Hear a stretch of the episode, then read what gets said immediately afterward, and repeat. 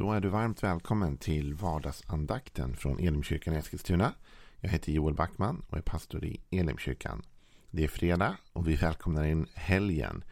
För många av oss är det väl ganska skönt att det börjar komma till den punkten. Och då innebär det också att det är sista vardagsandakten för den här veckan. Vi går igång på måndag igen. Det är måndagar till fredagar. Du hittar oss på elimkyrkan.com eller du hittar oss via Apple iTunes. Ehm, kan du leta upp vår podcast där. Vardagsandakten. Men jag vill bara säga att du behöver inte vara det sista du hör från oss den här veckan. Utan på söndag så är det gudstjänst från Elimkyrkan i Eskilstuna. Och då kan du gärna vara med. Den gudstjänsten hittar du på elimkyrkan.com eller på vår YouTube-kanal Elimkyrkan Eskilstuna söker du då. Eller vår Facebook-sida facebook.com elimeskilstuna. Där hittar du vår gudstjänst live från på söndag klockan 11.00. Varmt välkommen att vara med på det. Vi håller på att läsa igenom Jesaja kapitel 55. Och jag sa igår att från den sjätte versen och fram så ändrar kapitlet lite form tycker jag. Språket ändras lite. Det är intressant när man läser Bibeln och man kan se att, att kapitel och, och sånt där ändrar ibland lite form mitt i. Jesaja 55 är lite så tycker jag. Eh, och när man kommer till den sjätte versen talade vi om igår att Herren, nej, nu ska säga, den sjätte versen i Jesaja 55, det var ett annat bibelord. Sök Herren medan han låter sig finnas, åkall honom medan han är nära. Vers 7 idag säger följande. Må den gudlöse överge sin väg, den ondskefulle sina planer. Må han vända om till Herren, så ska han förbarma sig över honom. Vända om till vår Gud, som alltid vill förlåta. Det här är en fantastisk text. Den bygger på versen som vi läste igår. Som handlade om att söka Herren medan han låter sig finnas. Och jag talade om att det, var inte, det är inte det att man söker Herren som att han vore gömd eller dold. Utan det är mer det att man söker i meningen att man uppfattar eller uppmärksammar hans närvaro. För han är närvarande hela tiden och ständigt. Överallt och i allt. Eh, men det är inte alltid vi uppmärksammar hans närvaro. Eh, och det är det det handlar om att söka Herren. Att jag uppmärksammar nu att han är närvarande. Att han är med mig. Och att han finns här. Och att det fanns en tid liksom att göra det. Och att man inte skulle ta miste på det och inte gå förbi den tiden. Utan idag är frälsningens dag. Och då gör man det på, på vilket sätt då? Jo, men det finns olika sätt. Och det finns olika personer. Man kan börja med att säga att den här vers 7 i Jesaja 55. Den faktiskt nämner om två olika grupper av människor kan man säga inledningsvis. Eller två typer av personer. Den första personen är den gudlösa och den andra är den ondskefulle. Det är inte samma faktiskt nödvändigtvis. En del kanske bara läser igenom där och tänker att ja, men det är samma person. Liksom. Den gudlösa är ju den ondskefulle, men så behöver det inte vara. Den gudlösa är den som är utan Gud. Så här står det att må den gudlöse överge sin väg. Lägg märke till de här orden. Väg. Den, den gudlöse har en väg, säger Jesaja, men den ondskefulle har planer. Och jag kommer till, till det också. Men vägen, alltså den som lever ett gudlöst liv är ju en person som har valt en väg i livet där Gud inte finns med i ekvationen. Man räknar inte med Gud. Man tar ingen hänsyn till att det skulle finnas en övre makt eller någon sorts övre kraft eller så, utan man lever sitt liv utifrån sig själv. Man väljer sin egen väg. Man väljer att leva livet utifrån andra principer. Va? Man har inte valt de gudliga principerna. För det är ju så att en tro på Gud kommer också liksom med en väg. Va? Alltså det blir ju kristen etik och moral. Man brukar tala om judeokristen etik och moral. Det vill säga den judiska och kristna etiken och moralen. Som är väldigt lik varandra eller helt lik varandra. Eh, det är ju en, en etik man kan liksom eh, anta. Det är en väg att vandra. Va? Det kristna livet är en väg. Jesus säger att det är en smal väg dessutom. Att det är få som finner den. Vägen till livet. Men den gudlösa har också valt en väg. Jag tror att det är väldigt viktigt ibland när man pratar med människor som, som säger att jag har ingen eh, tro på Gud. eller liksom, Det där är inte viktigt för mig. Då måste man inse att de har också valt en väg. De har gjort ett val. Och, och, och eh, när man säger ja, men jag har bara inte liksom tagit tag i det där. Eller jag har inte intresserat mig för Gud. Nej, men det är också att välja en väg. Eh, och här må den gudlöse överge sin väg. Säger Jesaja.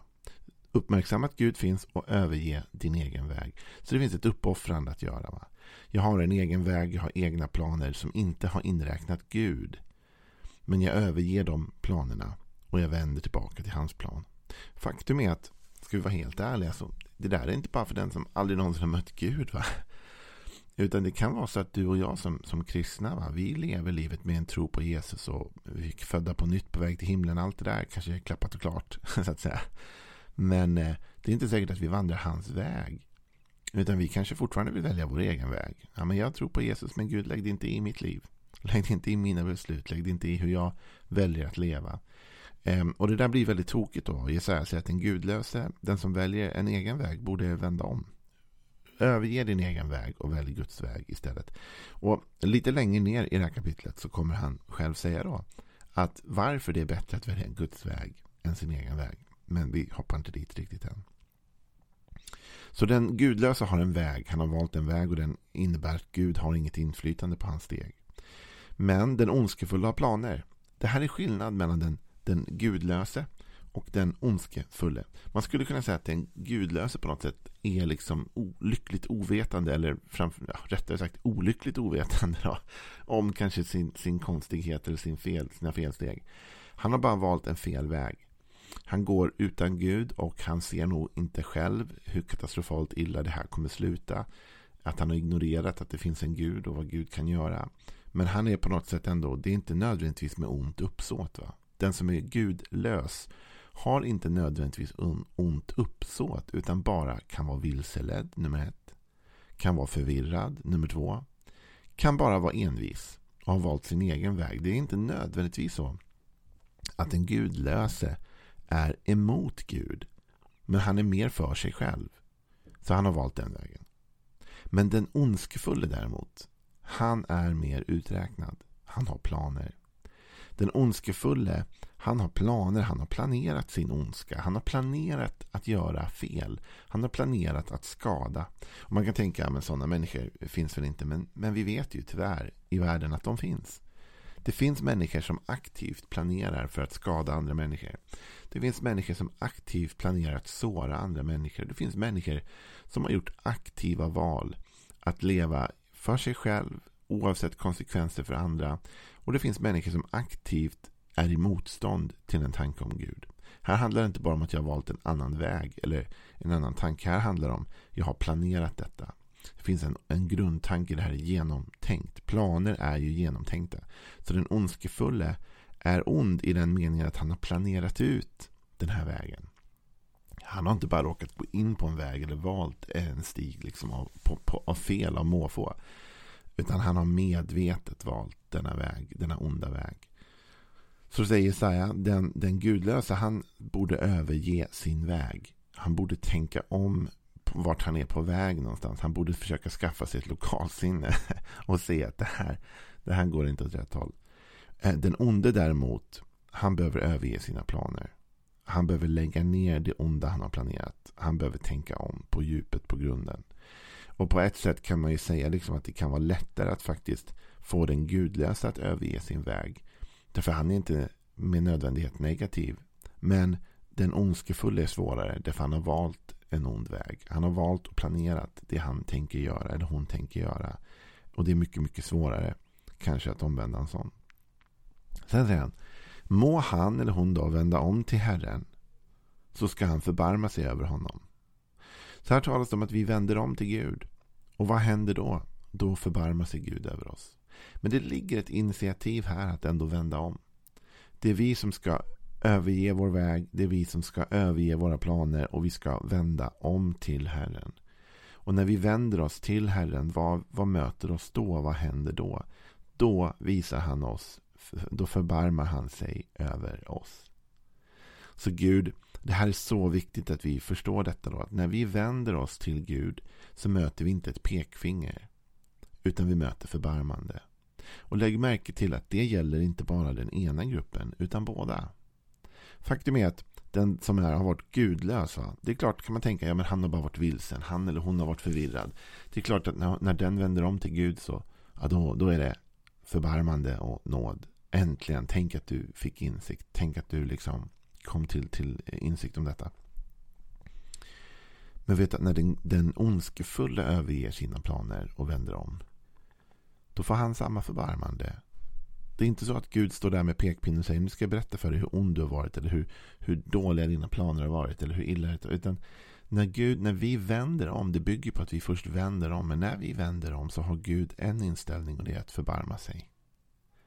Det är inte att liksom skälla ut oss, det är inte att hugga ner oss, det är inte att liksom, nej, det är att vara nådig och barmhärtig, att visa omsorg. Varför? Därför han fortsätter här. Må han vända om till Herren så ska han förbarma sig över honom. Vända om till vår Gud som alltid vill förlåta. Alltid vill förlåta. Vet du, en stor anledning tror jag att vi inte vänder om i livet ibland, i allmänt i vanliga relationer. En anledning till att vi inte liksom går till rätta med varandra är att vi är så oroliga för reaktioner. Vi tänker så här, jag borde kanske prata ut med den här personen. Men jag vet inte vilken reaktion jag kommer möta. Jag vet inte om personen kommer förlåta mig. Jag vet inte om personen kommer ha överseende med mina misstag. Eh, utan om det bara blir värre. Liksom. Är det att hälla, hälla bensin på, på elden eller vad är det? Liksom? Kan jag? Törs jag? Vad får jag för reaktion? Men om vi vet att människor har en positiv inställning till att förlåta och upprätta, då är det lättare. Va? Jag vet att ja, men jag vet att den här personen förlåter alltid. Har alltid ett hjärta att ge en chans till att börja om. Ja, då vågar vi också vända om till den. Va? Vi vågar berätta om vad vi har gjort för fel. För vi förstår att vi möts av barmhärtighet och vi förstår att vi möts av förlåtelse. Här säger han att Gud alltid vill förlåta. Gud vill alltid förlåta. Det kunde ju varit hela den här andakten egentligen i sig självt. Gud vill alltid förlåta. Joel tror du Gud vill förlåta mig för det dumma jag gjort. Han vill alltid förlåta. Tror du han vill förlåta mig för att jag valt min egen väg i livet och inte lyssnat på honom? Du, Gud vill alltid förlåta. Men jag har gjort så dumma grejer. Men Gud vill alltid förlåta. Jesaja säger här, Gud vill alltid förlåta. Finns inte ett tillfälle då Gud väljer något annat än förlåtelse? Men, men det bygger på att vi vänder om. va? Det enda, enda, enda, enda kravet eller prestationen vi behöver göra för att motta den här förlåtelsen av Gud det är ändå att vi vänder om. Va? Vi måste någonstans överge vår egen väg. Att överge den och säga Gud nu väljer jag din väg istället. Ja men då finns förlåtelse och barmhärtighet. Eller jag överger mina planer. Jag lämnar detta som jag själv har tänkt ut. Okej, okay, men då finns det förlåtelse och nåd. Vänd om till Gud. Så att när du vänder om så vänder du inte om till intet. Va?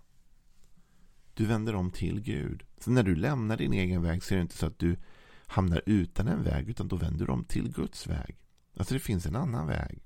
Om du vänder om från ett gudlöst liv så vänder du inte om till inget. Liksom, då vänder du om till ett gudfyllt liv. Det är inte ett ord, men så kan man ju säga i alla fall. Alltså ett liv fyllt av Gud. Ett liv där Gud får influera och påverka våra steg och vår tanke. Gud vill alltid, alltid förlåta. Och då tänkte jag läsa som avslutning ett fantastiskt bibelord. Eh, Saltaren 103. Där talas det mycket om detta goda. Vers 8 i psalm 103 säger så här. Barmhärtig och nådig är Herren. Sen till vrede och rik på kärlek. Han går inte ständigt till rätta med oss. Hans vrede varar inte för evigt. Han handlar inte mot oss som vi förtjänat. Han ger oss inte våra synders lön. Till så hög som himlen välver sig över jorden, så väldig är hans nåd över dem som fruktar honom. Så långt som öster är från väster, så långt från oss har han förvisat vår synd. Som en far visar ömhet mot barnen, så visar Herren ömhet mot dem som fruktar honom. Ty han vet hur vi är skapade. Han minns att vi är mull. Det är en sån fantastiskt djup text som handlar om att Gud känner vårt innersta. Och Gud vet var vi kommer ifrån. Han känner att vi är mull. Han har förståelse. Han är barmhärtig. Han är nådefull. Han är sen till vrede. Han är som en kärleksfull och god far. Han är upprättande, hjälpande, stödjande. Han vill alltid förlåta. Så vad är det jag vill ha sagt till dig idag från Jesaja? Jag vill säga att detta är dagen som vi har möjligheten att överge vår egen väg som vi har möjlighet att lämna de, de onda eller dåliga tankar och planer vi har. Det är dagen vi kan vända om till Herren och möta förbarmande och nåd. Vi kan vända om till en Gud som alltid och i alla lägen vill förlåta, som är rik på kärlek och sen till vrede. Vilken underbar möjlighet. Ta den möjligheten i helgen och vänd om till Gud. Ha en fantastiskt välsignad helg. Vi ses på måndag igen. Hej då.